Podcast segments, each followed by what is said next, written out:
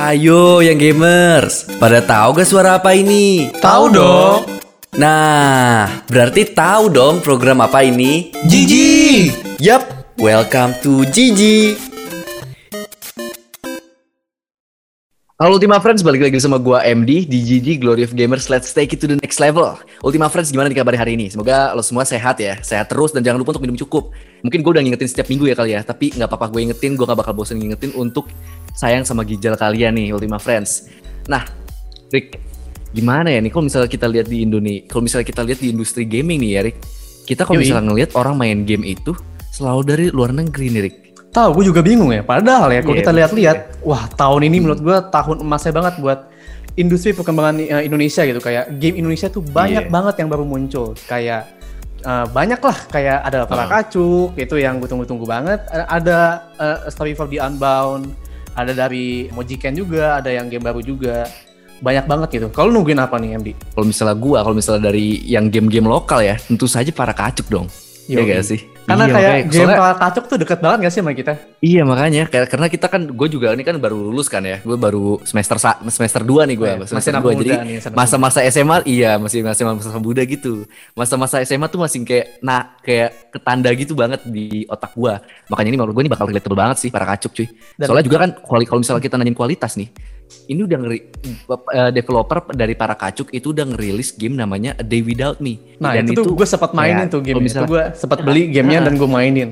Gue suka Nah, banget iya, sih sama itu dia. puzzle-puzzle-nya. Cuman gue kaget banget Ah. ketika gue ngeliat game para kacuk. Ini kayak, wih perkembangan gra- grafiknya, perkembangan dari yang puzzle ke yang ini jadi banyak actionnya. Gue kayak gila nih perkembangannya Iya. cepet banget sih. dan kalau misalnya gue lihat-lihat grafiknya beda banget sih ya Nah iya benar kelihatan itu banget gue perkembangannya. ya. sih. Dan sekarang nih ya, sekarang kita kebetulan lagi dapet uh, guest star ya, guest star. Wih, Ini guest star betul. pertama di GG nih, perdana cuy. Iya perdana Iya. nih. guest star pertama di GG yang uh, ini adalah CEO dari Gamecom, so- yaitu developer dari game Para Kacuk dan A Day Without Me. Yaitu adalah namanya Kak Nanda. Boleh banget nih perkenalkan gimana nih Kak? Ya halo, halo semuanya. Kenalin apa nih klannya? Uh, Oh, iya. Ultima Nama- Friends Kak, Ultima Friends itu sebutan Ultima oh, Friends, ya. Ultima Friends. Buat para Ultima Friends, saya Nanda. Biasanya dipanggil Nanda Gamecom, CEO dari Gamecom Team Studio dan sekaligus programmer dari Gamecom. Wih, Oke, mantap banget. Kalau misalnya kalau boleh tahu nih Kak, kira-kira umur sama sekar- sekarang tuh ak- aktivitasnya ngapain aja Kak sehari-hari Kak? Ya umur 22, baru aja 22 bulan Februari kemarin. Hmm. Nah, keseharian sih ya bikin game mas, ngoding. Iya, bener ya. ya. Ya udah itu Soalnya kerjaan sekarang lagi lagi di Heeh. lagi di proses pengembangan game para kacuk ya Kak ya? Iya, iya. Heeh. Karena itu ya sehari-hari mah ya ini kerjaan saya mas. Nah, bener itu juga sih. tempat duduk tuh kursi gaming tuh jadi teman terbaik ya kak karena duduk mulu ya kak ya. Iya dong, iya dong. Iya. Kerjaan tiap hari depan laptop atau depan PC gitu ya Kak ya? Iyalah pasti deh. Umurnya 22 Februari yang lalu ya Kak ya? 22. Ya, Masih muda banget aja. loh Rick. Gak beda jauh sama kita Makanya, loh. Gila. Dua tahun di atas gua. Wah, kacau. Udah Iya, jadi makanya. CEO dari Gamecom. Wah, gila Iya. sih. Gua gua seharian cuma main Valorant doang gak ada kerjaan coy. Tahu. Gue cuma nonton Jauh YouTube banget ya men. bedanya ya. iya makanya. Aduh, aduh. Hmm. Nah, Kananda nih kalau misalnya kita lihat nih kan CEO dari Gamecom ngebuat game dan sebuah seorang pro player juga nih. Pasti kan kita kayak bisa ngeliat banget nih kalau misalnya kita ngeliat nih para kacuk terus game-game kayak A Day Without Me yang udah dirilis. Hmm. Nah, itu tuh kelihatan banget kalau misalnya kakak tuh passionate banget di dalam industri game. Nah, biasanya nih Yap. kalau misalnya orang-orang yang passionate tentang sesuatu, itu Hmm. ada ada sesuatu yang nge-trigger passion tersebut. Kalau misalnya Ya. kakak tuh apa kak? Eh, pertama kali bisa bilang waktu pas pertama kali nyoba game juga mas, waktu kelas Hmm. 5 SD dulu. Jadi pertama kali itu saya main game Crash Bandicoot, Crash Bandicoot Ah, Oh, PS1. Crash Bandicoot ya? Wah, seru Ah, tuh.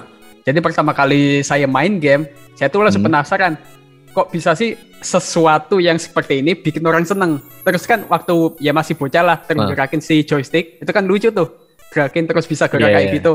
Nah pada saat itu Ah. saya nanya ke almarhum ayah saya, ini apa nama, ini namanya apaan? Doi kasih tahu Hmm. ini game. Nah gimana cara bikinnya? Jadi game developer mas. Yaudah saat Oh, itulah langsung berarti ya? langsung makanya saat Langsung. i- abis itu saya langsung pikiran gimana saya jadi game developer ya udah Eh, waktu itu pertama kali itu SMK SMK kan ada Hah? jurusan software engineering ya udah itu pak yang Iya. paling nyerempet kan sama game developer ya udah langsung Hah. dah langsung gila. pelajari ya programming ya sebagainya dari zaman HP Java juga kalau Mas tahu HP Java mungkin Symbian, Java, Nokia Nokia Oh, iya. zaman Oh. Nokia Nokia zaman dulu. Oh, Oh, iya, iya. tahu, tahu, iya. tahu, tahu. kayak, kayak ah, gitu. tahu, ya tahu, itu tahu. kan kan banyak game-game Java tuh. Ya udah Ah, mulai dari betul, situ betul. juga udah udah oprek-oprek game-game kayak gitu, belajar programming. Ah. Oh, keren juga ya. Nih MD Dan yang bikin yang gue bikin Ah. kaget ya MD. Kayak Ah. tadi dikenalinnya sama papa ya. Ya, almarhum. Nah, itu Betul. zaman dulu ya. Oke. Orang tua Asia yang mengenalkan game ke anaknya itu sebenarnya dikit banget loh. Iya, iya, tahu Itu tahu. menarik banget. Iya, itu Iya benar benar. gimana ya? Dulu tuh kayak ya waktu bocah pasti tahu kan harus juara satu, harus juara dua, juara satu, iya. dua kayak gitu kan. Ya, Ya, bener. itu salah satunya hadiah PS1 Mas dulu. Oh, Karena dari- Oh, oh iya iya iya. Dari kelas 1 sampai kelas 5 tadi, kelas 5 SD, ya udah Hmm. selalu tiga besar karena itu dibeliin game. wah, Oh, ini, berarti- di- ini dia. Berarti main, ini namanya yang main hobi- game tapi hobi pinter main juga game. ya. Betul, tapi tetap Iya. pinter. Nah, ini nih. Wah gile. Wah kacau kacau. Gue sebagai langganan ranking ekor nih ya. Rankingnya belakang-belakang nih. Gak relate Kayak banget gitu sebenarnya. Iya. Nih kak, kalau misalnya kita lihat dari ceritanya kakak nih, pertama Ya. kali maka- mengenal game dan penasaran gitu, ini bikin seneng Hmm. banget. Nah, berarti motivasi kakak untuk membuat game itu pengen bikin orang seneng ya kak ya? Hmm, iya bisa dibilang gitu, tapi lebih ke tepatnya saya pengen bikin sesuatu yang ya bukan hanya orang lain, tapi saya sendiri juga seneng mainnya mas. Karena itu Oh, game-game yang oke, saya oke. bikin bukan Ah. game yang kayak mainstream di pasaran kayak gitu. Ya yang pasti auto laku itu nggak saya bikin dulu, karena pe- saya pengen Oh, bikin iya. game yang saya sendiri aja pengen main. Dia sesuai passion ya kayak. Tuh. Ah, ah. Berarti Makanya kebanyakan salah- game yang ah. kakak bikin itu passion Iya, yang- project ya kak ya? Iya, pengen saya aja pengen main gitu. Oke oke oke. Nah kak, umur kakak kan Hmm. muda banget nih. Tahun ini bapak masih 22. Yang Yap. aku bingung ini kak, kakak tuh kapan sih pertama kali mulai bener-bener serius ngegarap? Karena umur 22 udah bisa bikin game itu kayak umur yang muda banget Ya. gitu. Kayak kapan mulainya? mulai pertama kali terjun ke industri game ya. Iya. Itu jadi 2000 berapa ya saya lulus? 2017 kalau nggak salah itu kan lulus SMK Mas. Oh. Habis itu ya saat itu ya biasalah bimbang mau kuliah atau mau kerja kayak gitu kan. Cuman mengingat saya nggak ada duit, terus nggak ada yang biaya juga, bokap mati. Ya udah mau nggak mau saya kerja kan. Nah, ya salah satunya biar passion saya tercapai ke industri game. Cuman saat itu karena saya juga belum ada nama, jadi saya eh, merantau dulu lah ke Surabaya, ke Jogja kayak gitu, nyari-nyari komunitas lah istilahnya. Terus nyari Oh, kerja iya, iya, iya. freelance. Nah, semakin sering waktu kan nama mulai kebentuk nih, nama saya Nanda Gamecom, ya kan. Hmm. Dari koneksi itulah dapat panggilan dari Jakarta, eh, juga perusahaan game namanya Main Terus Digital Lab kalau tahu. Itu perusahaan game mobile ya saat itu saya baru benar-benar kerja di industri game. Itu 2000 Oh, iya. 2018 kalau nggak salah. Ya udah dari, dari situ dari yang awalnya junior programmer kerja sampai eh, saya resign tahun lalu 2020 itu saya resign. Hmm. Status saya terakhir saat resign itu saya jadi CTO perusahaan. Itu karena Wow, udah oke. pengalaman nih istilahnya dapat pengalaman semua mulai dari pengalaman bikin game dan pengalaman jalanin perusahaan mas ya udah saya udah mulai berani bikin perusahaan saya sendiri, Hah? sendiri namanya Gamecom gitu Oke oke, namanya bener-bener kebuat sih namanya. Kalau misalnya kita lihat nih kan usahanya banyak banget ya sampai ngerantau Ya, ke da- banyak-banyak daerah untuk bikin Nah, nama. lu- lucunya ini mas eh, waktu Gimana? saya merantau itu itu kan ya tau lah istilahnya kayak bocah kampung terus sama orang tua Hmm. nggak boleh kan kalau nggak ada kayak kenalan atau apa di luar kota nah Hmm. saya dulu bongnya saya bakal kuliah dan dapat kerjaan di Surabaya padahal saat Iya. itu saya belum ada kerjaan sama sekali Iya iya iya. iya. bisa keluar aja yang penting ya udah Bener-bener. Nah, saya baru bilang lagi ke ibu saya waktu dapat kerjaan di Jakarta, baru saya jujur deh. Sebelumnya saya nggak berani jujur. Pasti Oh. disuruh pasti disuruh nih. pulang. Emang bohong tuh, bohong tuh penting gitu kalau Iya. untuk kebaikan Iya, ya kan ya? bener. Nah, Lebih baik tahunya minta itu, maaf daripada minta izin. Betul. nah, tahunya Iya, orang iya. tua itu Iya. saya udah udah kerja juga di Surabaya, padahal mah Oh. belum. Oh iya. iya. Ya udah. untungnya untungnya dapat eh, dapat kerjaan ya kak. Kalau enggak itu kayaknya Untungnya. agak agak repot tuh. Iya, agak sudah juga mas, kurang lebih setahun sih kalau nggak salah. Jadi bolak-balik tuh dari Surabaya, Jogja, Surabaya, Jogja, ada panggilan ke sono ya ke sono kayak gitu. Jadi ya Oh. seadanya kayak dulu. Yang penting bangun nama aja. Hmm. Tapi berhasil sih bangun namanya soalnya waktu ditulis Ya. di Google nih, ditulis Nanda, muncul Nanda Gamecom. betul betul Ya, betul. yang pertama lagi. Iya. cuma di Google ya. Kalau di Iya. YouTube, kalau di YouTube kita nonton interview-interview, pasti sebutnya itu Nanda Gamecom kayak wah. Nah, Iya. Makanya kayak Itu keren dia, banget Mas. sih, keren banget sih. alhamdulillahnya. Nah, terus Kak Nanda kan udah dari dari dulu kan kerja di perusahaan, bikin game mobile segala macem. Ah, aku Yap. mau tahu nih Kak, kalau dari sisi developers nih, eh, yang paling sulit itu dalam pembuatan game tuh tahap gimana sih Kak? Lebih ke tahap eh, ada istilahnya kayak brainstorming ide kayak gitu mas. Jadi sebelum bikin game kan kita ya diskusi lah mau bikin game kayak gimana. Nah susahnya ini kayak ngehandle timnya mampu nggak bikin kayak gini. Ah, kayak Oh, kayak iya, gitu. bener, Jadi kan bener, pasti ada yang nggak bisa bikin A, nggak bisa bikin B. Kalaupun nggak bisa terus di eh, istilahnya tetap lanjut mau bikin, pasti ada waktu juga kan buat ngolah Hmm. supaya bisa. Itu sih yang paling berasa di tim saya. Oh berarti nyari chemistry dalam timnya itu ya kayak. Mm-mm.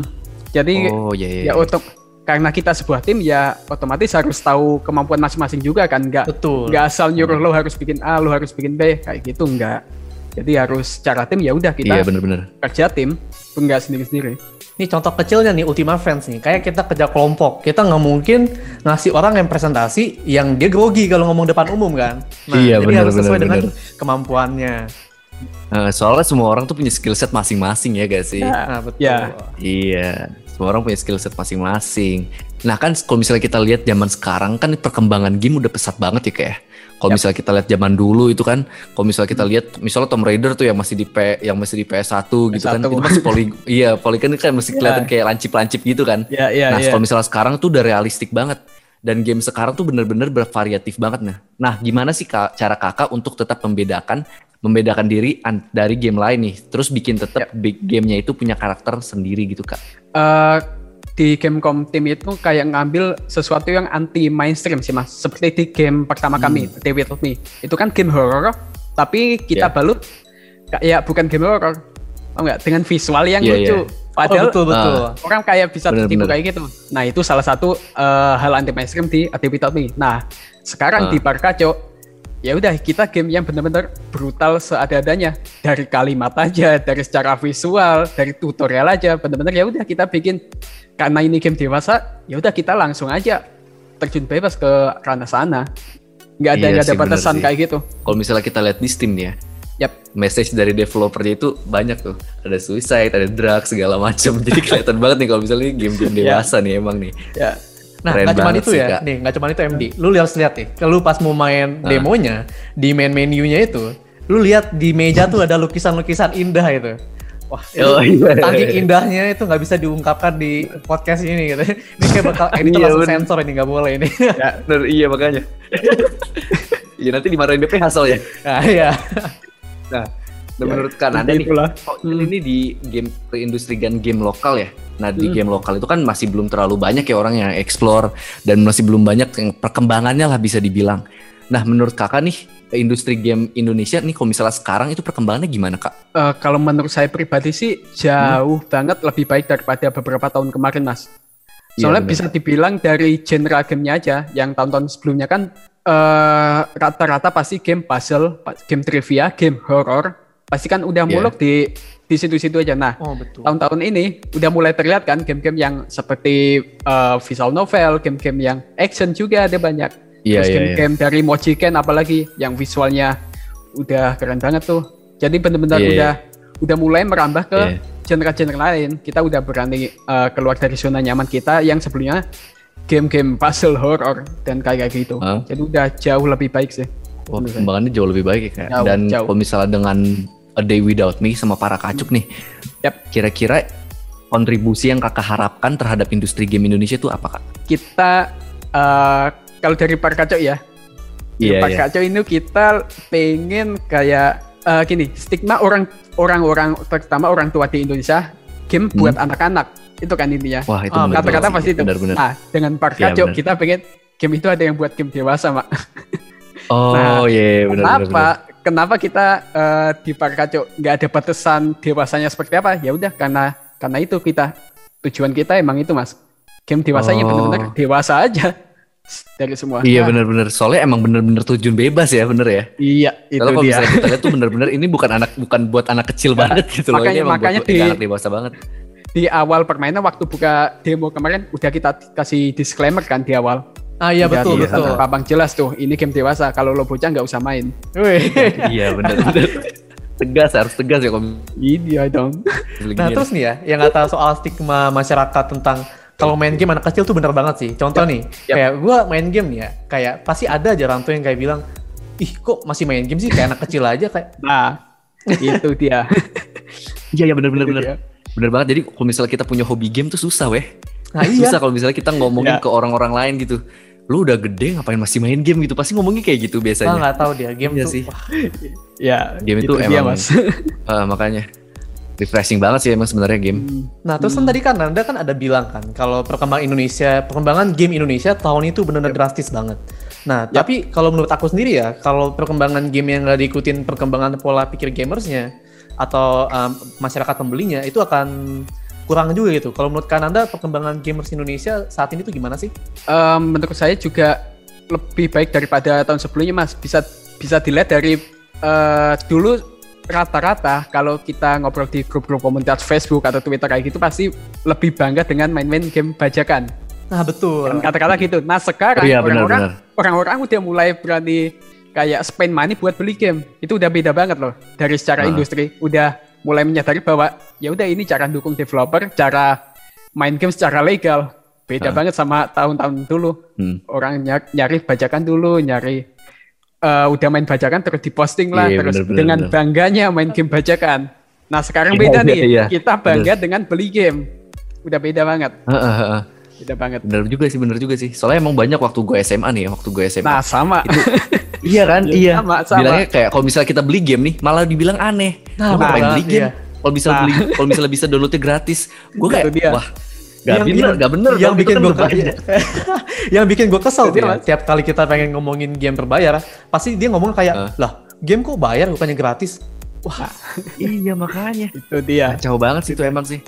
Dan kalau misalnya kita ngomongin gamer di Indonesia itu emang bener bener kalau misalnya gaming itu jadi culture bagian dari budaya Indonesia sih sebenarnya. Kayak dari kayak culture-nya Indonesia anak muda ya, mainly ya. Mainly anak muda emang keren banget sih sekarang banyak banget perkembangannya. Nah, Kak, eh, Kak Nanda sendiri kan itu lagi dalam proses pembuatan game namanya Para Kacuk nih.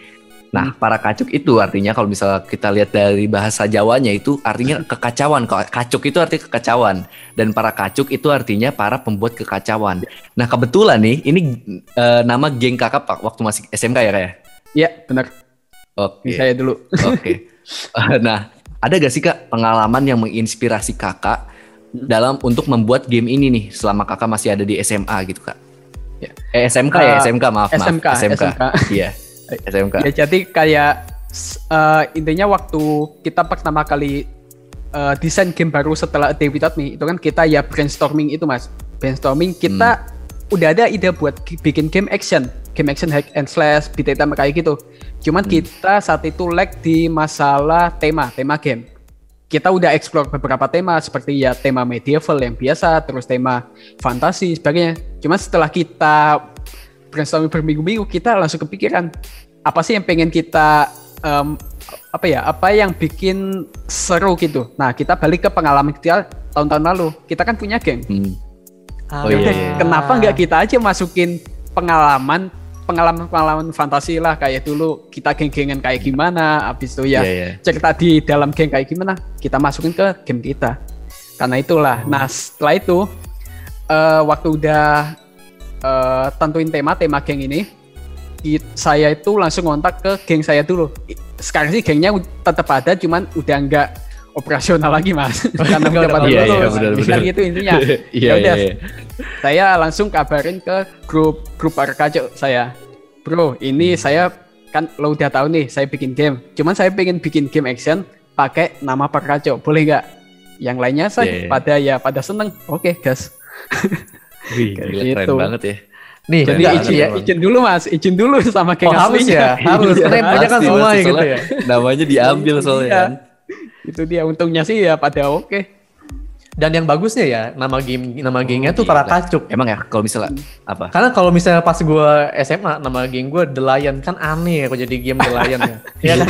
Kalau para kacuk kan bagus ya kan, Iya, para iya, iya. kacuk. gitu. itu Iya, dia iya, bener, itu dia bener, mas bener. waktu saya mikir nama Parkacuk kok keren juga di dibikin nama game kan Parkacuk satu kata tapi udah penuh Mewakili makna gitu ya? Artinya, iya iya iya iya iya bener-bener dan namanya itu emang ada artinya gitu Ada arti artinya, filosofisnya ha-ha. ha-ha. Iya. dari bahasa Jawa lagi keren banget emang ya nah ini kan proses development game itu kan agak susah ya kak bisa dibilang Yap. soalnya kan makan waktu banyak terus uh, manpowernya yang dibutuhkan itu juga lumayan banyak dan emang uh, harus profesional semua lah bisa dibilang nah untuk para kacuk berapa orang sih kak yang berkontribusi dalam proses pengembangan game ini kak Oke, eh, untuk Parkacuk sih eh, gini, dari Gamecom Team sendiri kita ada tujuh orang mas. Hmm.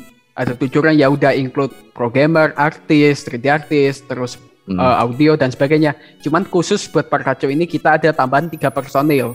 Tiga personil ya buat oh iya iya. kayak yang tambahan audio, terus artis juga ada eh, beberapa hal lain lah yang diperlukan buat game. Karena itu ya 10 orang sih buat Parkacuk.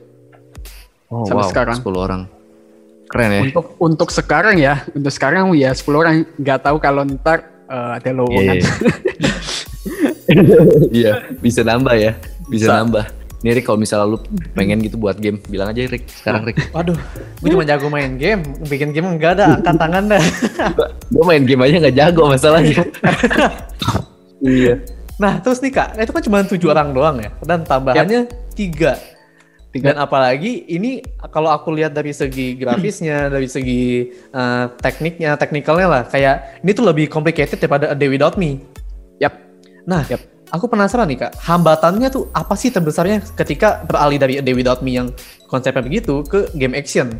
Eh, hambatan mungkin kalau saya pribadi ya, kalau saya pribadi itu lebih ke kayak eh, mutar apa ya, kayak mutar otak ke gimana bikin game mekanik yang belum pernah kita bikin.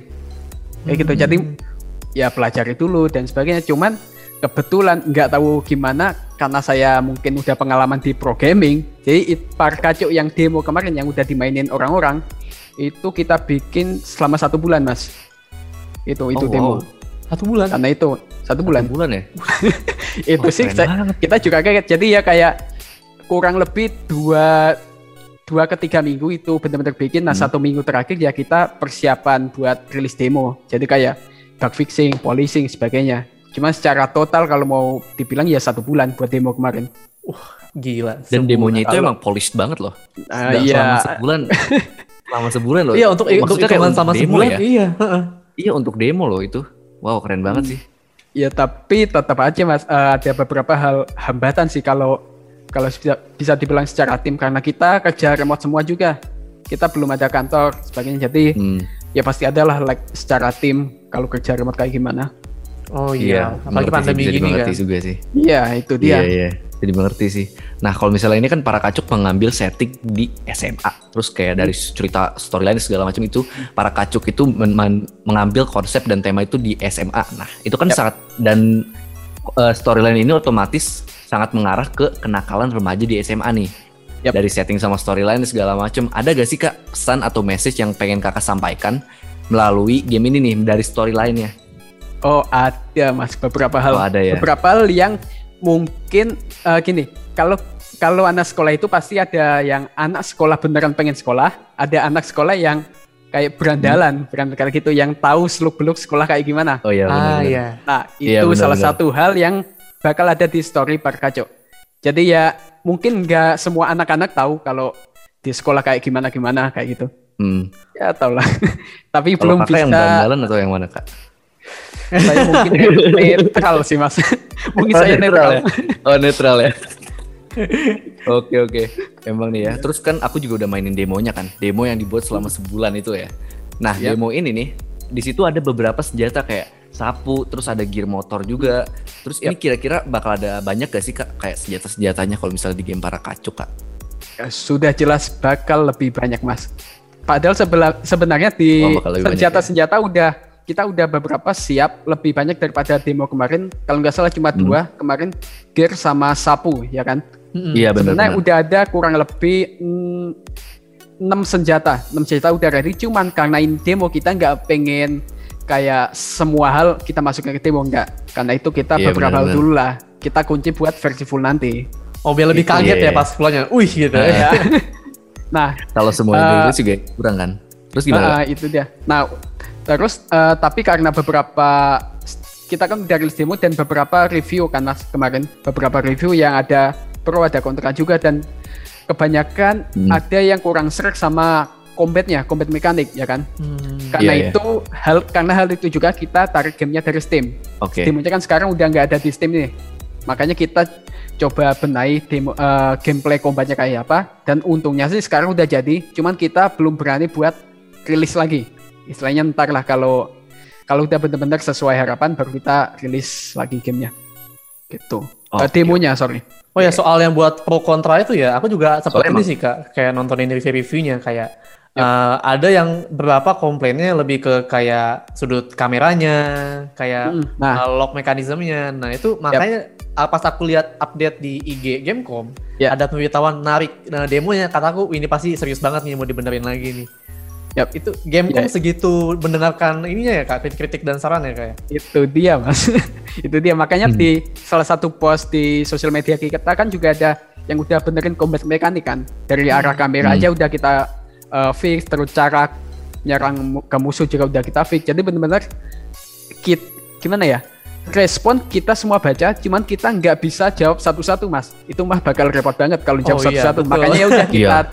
kita dengerin aja kita Benar, catat benar. semua kita fix gitu kalau ada kalau sempat balas ya udah kita balas cuman kalau enggak ya repot banget kalau mau satu-satu mah gitu Iya maksud banget kalau bisa balas satu-satu repot Bisa, juga. Adminnya kasihan, adminnya nanti minta Iya. gaji lagi, minta gaji tambahan. bener bener bener. Oh ya terus nih kak, eh, di eh, poster atau gambar game Parakacuk di visualnya, Yap. itu kan si. Budi nggak cuma sendiri tuh kak, dia ramean tuh Yap. sama temen ceweknya, temen cewek belakang. Aku penasaran gitu kak, apakah cuma si Budinya doang kak yang bisa kita mainin? Atau karakter lain juga bisa gitu kak? kalau untuk uh, playable karakter tetap si Budi. Cuman secara cerita oh gini. Secara cerita nanti nggak cuma fokus ke karakter Budi tapi ke geng para kacok mas.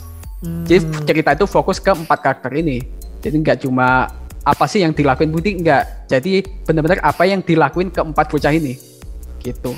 Jadi walaupun misalnya playable karakternya cuma si Budi, cuman tetap komunikasi eh, para gengnya tuh tetap dimunculin gitu ya dialog-dialog ya Tetap. kayak.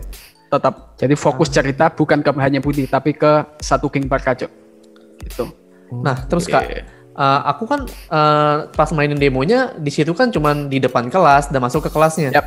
Nah, sedangkan sekolah itu kan luas Kak, kayak ada kantin, ada ruang guru. Aku penasaran Kak, bisa ke mana aja sih si Budi nanti Kak? Eh, nan eh, gini, kalau secara gameplay dulu ya mas, secara gameplay kan nanti tetap dibagi per chapter seperti demo kemarin kan satu chapter istilahnya eh, secara gameplay. Cuman nanti ada beberapa chapter yang player diberi kebebasan buat jelajah sekolah. Nah pada saat itulah ya udah eh, Budi bisa ke apa jelajah sekolah ke mana aja yang dia mau. Terus ada beberapa misi sampingan juga seperti ya misi-misi sampingan sekolah lah ntar ntar Iya. pasti tahu. Cuman Menarik. ada salah satu eh, chapter juga yang mana bakal nampilin kos-kosan. Jadi kayak Oh, Oh, ada Tempat kos-kosan. tempat berkumpulnya si geng para kacau. Itu Wah, aja menarik. Oh, banget jadi nih. kayak base campnya gitu ya Jadi kayak. base camp bener. Oh, Oke oke oke. Itu side missionnya kayak ngambilin galon, ngambilin sapu gitu bukan nggak?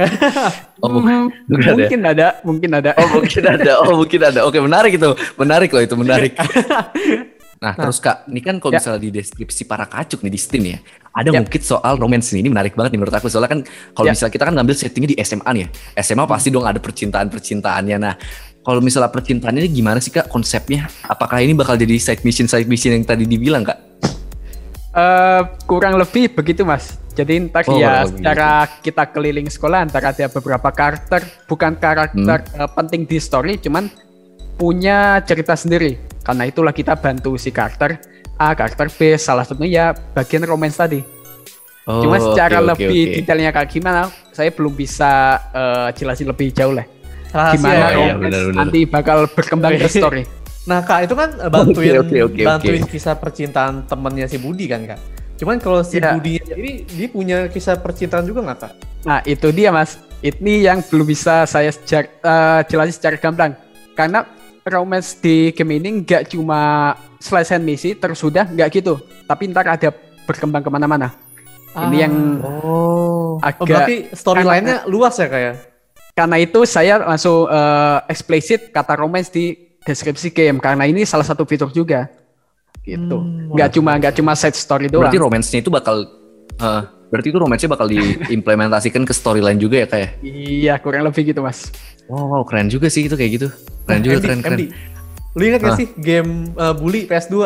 Oh iya, inget tuh, Nah, inget, dia inget, kan ada inget. kan kisah percintaannya, Oh. dia bawa temen ceweknya ke uh, Ah. tempat jalan-jalan atau apa ini ini hmm, menarik Hmm, kira-kira ya. Uh. Baru bisa saya bocorin. Oke. Oke, nggak apa-apa, nggak apa-apa. Terus nih kak, kalau misalnya para kacuk kan tuh kelihatannya ada tertulis juga nih, strength, strength, strengthen body, your body as you play. Nah, ini boleh dikasih tahu kak gambarannya gimana nih kak kalau strengthen your body-nya ini? Apakah itu kayak skill-skill di RPG apa gimana kak? Oke, jadi eh eh, bisa dibilang gitu mas. Jadi eh, unlock skill baru, terus kayak memperkuat stats kayak gitu. Tapi Hmm. secara stats kita nggak sekompleks game RPG. Cuman kayak Oke, oke, oke. eh, mungkin lebih dekatnya sistem upgrade-nya God of War mungkin God of War PS4. Jadi kan cuma kayak upgrade beberapa Ah. seperti senjatanya atau apa kayak gitu. Cuman Ah. nanti yang menarik eh, seperti di salah satu eh, postingan Instagram kami kan ada lawan Raden tuh. Apa Raden ya Mas Raden. Nah. Oh iya, iya, iya, Mas Raden. Nah, Itu jadi secara story benar. ntar si, Budi dan geng karena butuh kekuatan tambahan buat ngalahin salah satu geng lain, makanya pengen Hah? ngaktifin kodam. Mungkin Mas tahu kodam itu apa? Oke, oke, oke. Karena itulah jadi kayak ya hal-hal kayak gitulah ada ntar di game. Ada classes-nya gitu gak sih kak? Kayak Budi sebagai kayak mungkin fokus ke strength atau mungkin fokus ke agility gitu Kak? Ada gitunya gak? Nah itu Oh, dia ada ya, itu, itu ntar yang bagian upgrade tadi mas. Jadi player lebih milih upgrade ke mana juga. Oh, wah keren juga nih. Kalau misalnya kalau misalnya ini kan kalau misalnya game-game yang kayak gini kan biasanya settingnya tuh nggak pernah yang ada di kayak sekolah gitu. Soalnya biasanya kan medieval atau enggak misalnya kayak fantasi-fantasi Oh, gitu. Ini iya. Keren juga nih. Ini Itu mungkin dia, ini salah satu salah satu anti mainstreamnya dari Gamecom ya kayak. Nah itu dia seperti yang saya jelasin tadi kan awal-awal waktu brainstorming ya ada tema medieval juga, ada tema Ah. eh, game fantasi sebagainya. Cuman ya udah kalau kita bikin game seperti itu apa bedanya gitu loh. Iya benar. Karena itu kita brainstorming ulang, makanya kemunculan ide yang apa sih yang kita pernah keser- keseruan di kehidupan kita. Salah satunya Ah. punya geng. Nih tadi kan Kanada kan dari sini. Kanada ada ngomongin Iya. kan sayang Mas Raden. Itu wah itu pertarungannya itu itu chaos banget. Wah itu gokil banget udah kayak lawan Zeus itu. Listrik dari mana cuy? Wah gila keren banget itu. Gue pengen banget main pasti. banget. Iya bikin bikin tertarik juga gak sih? Wah, itu Bikin tertarik banget sih. itu cuma sebagian kecil dari hal-hal yang kayak gitu di game mas. Ntar bakal sebagian lebih, Oh, wow, kecil. sebagian kecil loh. lebih wadidaw lagi. Sebagian kecil. Nah Wah, jadi, gila, nah ini buat Ultima banget. Friends kalau yang tertarik buat game para kacuk, nih boleh banget nih langsung buka Steam dan masukin ke wishlist nih. Biar nanti kalau misalnya ada update atau Iya, ada bisa langsung uh, keluar dari Gamecom-nya, udah rilis bisa langsung beli. Tentu saja kalau misalnya pengen update ya bisa ke IG-nya langsung lah ya. Betul, Gamecom Gamecom team lah ya bisa ya. Iya, keren banget nih. Nah, untuk ini kan kita udah lama juga nih ya kayak podcastnya. Nah, untuk menutup podcast ini, ada gak sih kak tips dan triks buat anak-anak muda di luar sana atau Ultima Friends Ultima Friends yang mungkin minat nih ke dal- masuk ke dalam industri game kayak untuk buat game dan lain-lain. Dan boleh juga nih kak promosiin game para kacuk sekali lagi dari Gamecom Ya. gitu, Kak. Oke, promosi dulu lah kali. Oke, buat promosi dulu gak apa-apa, gak apa-apa. ya yang yang pengen eh, main game para kacau buat nantinya karena ini eh, karena emang belum bisa dibeli dan belum bisa kita uh, pre-purchase jadi bisa di wishlist dulu lah di Steam. Dan Iya. juga jangan lupa A Day Without Me juga dibeli. Ada di Steam dan juga di Nintendo Switch. Baru aja rilis. Nah iya Nintendo Switch baru lihat banget tuh di IG-nya. Nah, Cuma 3 dolar loh, Iya. gila gokil. itu dia murah. Iya keren banget, keren banget Nah. emang. ya buat eh, tips sih kayak mungkin kalau orang eh, para developer lain udah ngasih tips harus A harus B tapi ada satu hal yang mungkin belum pernah diomongin yang lain sih yang saya juga belum pernah dengar yaitu punya mimpi dulu mas kayak punya Oh, iya, mas tetap punya cita-cita kayak itu hal yang eh, bikin saya sampai sekarang karena saya tetap pengen bikin game pengen bikin game walaupun saya istilahnya kan masa-masa down saya setelah setelah lulus terus nggak bisa kuliah nggak Hmm. bisa apa-apa itu kan istilahnya masa down saya tapi saya tetap punya cita-cita tuh pengen bikin game dari hal pengen bikin game itu ya udah saya sampai sekarang nih sampai bener beneran bikin game punya perusahaan sendiri punya tim karena Hmm. itu mungkin pertama dimulai sih punya cita-cita dulu mas kalau nggak sih nggak ada motivasi kenapa bikin game gitu. Emang itu semuanya Emang. mulai dari mimpi Iya sama betul. cita-cita. Penting banget Keren sih, karena- keren banget. Karena kayak eh, apalagi kan hidup tuh kan nggak mungkin selalu naik ke atas kan. Pasti kayak ada turunnya, ada Iya. lesunya. Dengan kita punya mimpi, itu pasti kita kayak menggebu-gebu gitu kayak walaupun kita lagi masa down kayak wah gue semangat nih gue pengen jadi ini, pengen jadi itu. Makanya untuk untuk Ultima Iya. Friends nih, jangan walaupun kuliahnya lesu, kuliahnya lagi jenuh atau apa, harusnya mimpi gitu. Misal pengen jadi apa nih? Pengen eh, bi- pengen masuk dalam tim Gamecom. Nah, kalian harus belajar Waduh. aja, harus semangat ya kan. Nah, Boleh banget nih di kontak langsung nih kan Anda aja juga. boleh, boleh. Amin dah, moga juga ntar, moga ntar bisa lebih gede lah. Biar bisa Amin. Oke, pasti dong, pasti dong. Gila. Soalnya di bio-nya aja nih ya. Katanya Gamecom itu bakal jadi game developer terbaik di dunia nih. Dan kemungkinan nih bisa dong pasti. Amin, Amin. amin. itu namanya makanya itu namanya mimpi. Itu Keren mimpi. emang.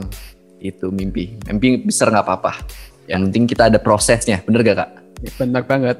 Nih, terima kasih banget nih buat Kananda. Seru banget ngobrolnya, seru banget. Tapi gara-gara waktu juga, jadi waktu harus memisahkan kita ya Kananda ya. Nggak apa-apa lah ya. Siap, siap, Nah, siap. sampai di sini dulu Dadah. aja podcast hari ini. Pantengin terus nih program Gigi di IG-nya di Instagram at Women Radio dan jangan lupa untuk follow juga nih eh, Instagram at Women Radio dan tentunya juga jangan lupa follow IG-nya Gamecom di at Gamecom Team ya. Terus nah kan sekarang kalau misalnya Ultima Friends sudah follow di selain di IG eh, Women Radio juga tungguin podcast kita di Spotify Women Radio setiap hari Jumat. Dan bye bye guys and see you on the next level. bye bye. Sekarang lagi dengerin Gigi Glory of Gamers hanya di 107,7 FM atau streaming di radio.umn.ac.id.